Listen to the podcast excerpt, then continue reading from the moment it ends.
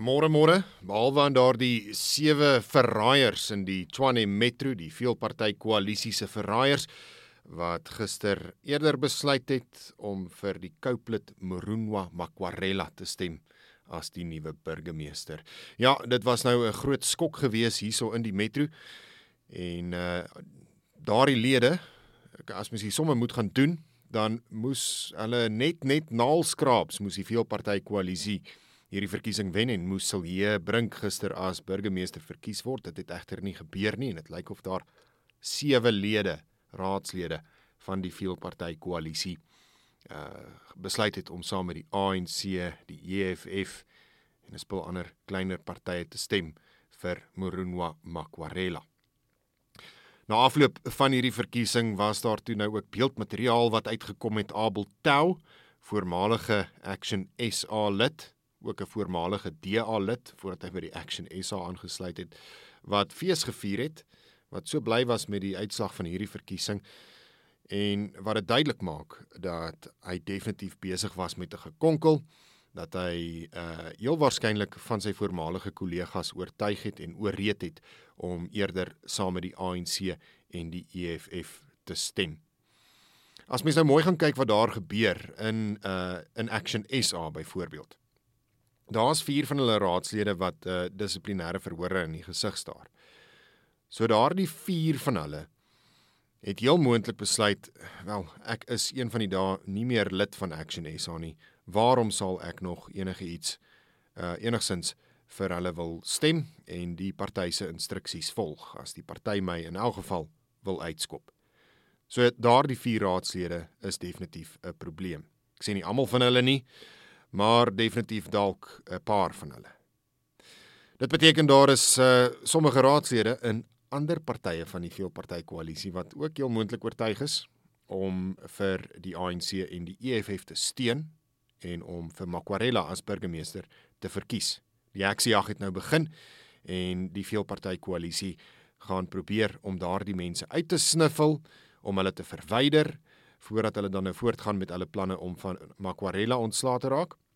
Hulle het reeds gesê daar word 'n mosie van wantroue beplan in Makwarela uh slegs paar minute na hy ingehuldig is as die nuwe burgemeester. Nou Makwarela is uh lid van Cope soos ek genoem het. Hy was die voormalige speaker en uh hy's ook 'n pastoor en 'n pastoor wat daar maar uh almal 'n rad voor die oë draai. Ek kan nie glo dat 'n pastoor so sal optree nie. Dat hy sy koalisievennote nog verlede week uh geluk toewens met die aanstelling of die aanwysing van Silje Brink as hulle burgemeesterskandidaat wat gesê het ons is verenig agter Brink en uh gesê dat tydens gister se se se verkiesing sou hy dan ook uh, vir Brink steun toe hy genomineer is toe aanvaar hy daardie nominasie en dit was toe duidelik uh, dat uh, dit alles maar net mooi praatjies was verlede week. Die uh die planne nou, uh soos ek genoem het, hulle gaan daardie van daardie raadslede ontslaa raak en dan uh seker maar nuwe raadslede in hulle plek uh aanstel. En uh dan sal hulle voortgaan met daardie mosie van wantroue. Ek het gister ook genoem dat dit baie belangrik is dat uh die Tshwane Metro as 'n voorbeeld moet dien dat veel party koalisies kan werk. Wat gister gebeur het is presies die teenoorgestelde. En uh dit plaas die ANC en die EFF se hande weer direk op die beursie van die metro. En hulle sal definitief uh probeer en poog om daardie kontrakte te kry, om die tenders te kry vir sekere dienste wat in die metro gelewer moet word.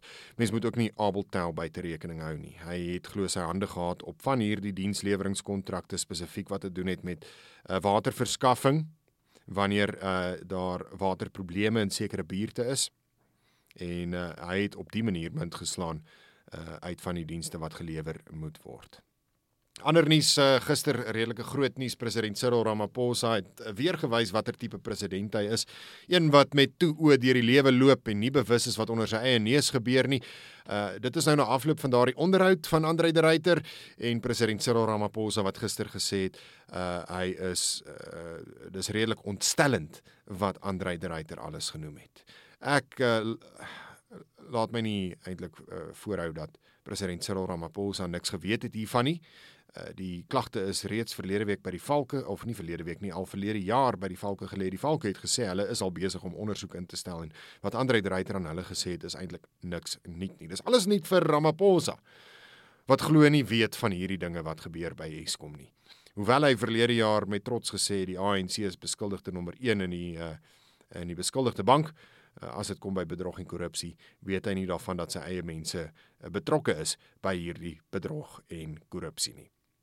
Hy het ook uh, gesê Ag Andre de Ruyter, jy moes eintlik maar die regte ding doen en die saak aanhange gaan maak by 'n polisiestasie. Hy sê hy het volle vertroue in die polisie dat hulle roepies is en dat hulle hierdie saak sal ondersoek, dat hulle dit onafhanklik sal ondersoek, dat hulle nie uh enige belange het indien hierdie kriminele aktiwiteit voortgaan nie. En my vraag aan die president is: indien die polisie en indien jy soveel vertroue in die polisie het, Waarom het jy dan nie klagte van diefstal oor die Palapala gebeure uh, by die polisie aanhange gemaak nie? En indien wel wil ek graag daardie uh, daardie dossier sien. Ek twyfel of jy dit gedoen het. Jy het self erken jy het dit nie gedoen nie. Jy het gesê, "Wel, ek het maar die saak oorgelaat aan uh, my presidensiële veiligheidsspan dat hulle die saak gaan rapporteer, maar ons weet ook dat daardie saak nie eintlik gerapporteer is nie." So, wie's nou die een wat nie vertroue in die polisie het nie? Is dit Andre de Ruyter of is dit jy meneer die president wat uh, nog niks gaan sê het vir die polisie oor die diefstal van buitelandse valuta op jou wildsplaas nie. Dan so 'n bietjie goeie nuus en hierdie is uh, goeie nuus met 'n met 'n knippie sout. Uh, die werkloosheidssyfer het uh, iets wat gedaal. En ja, dit is goeie nuus. 169000 nuwe werksgeleenthede wat geskep is in die laaste kwartaal van 2022. Maar baie interessant, 167000 van hierdie werksgeleenthede is geskep in een provinsie. En ek dink almal gaan raai watter provinsie hierdie is. Dis natuurlik die Wes-Kaap. So in die res van die land waar die ANC in die provinsiale regering is, sal slegs 2000 werksgeleenthede geskep. En dit is iets uh, waaroor die ANC definitief skaam kan wees en ek dink uh, die DA geleide Wes-Kaap provinsie kan definitief trots wees op hierdie syfer. Dit beteken daar word iets reg gedoen in die Wes-Kaap as hulle 167000 of omtrent uh, 9 98 99% van die nuwe werksgeleenthede wat geskep is, alles geskep is in die Wes-Kaap.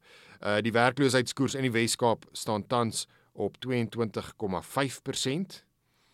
In die Noord-Kaap staan dit op 22,1%. Dit is natuurlik 'n provinsie wat nie so dig bevolk is soos ons ander provinsies nie.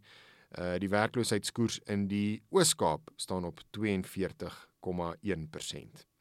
Die amptelike werk uh werkloosheidskoers tans 32,7% steeds veel te hoog. En as mens gaan kyk na die uitgebreide werkloosheidskoers dan sit nog hoër 42,6%. Niks om op trots te wees nie, behalwe daai klein tikkie van hoop. En dis natuurlik in die Wes-Kaap waar dit lyk asof die provinsie dinge regkry as dit kom by werkskepping. En vir almal van julle wat probeer om elke dag werk te skep, wat probeer om kos op die tafel te plaas, uh, ek sê vir julle sterkte en groete by die huis.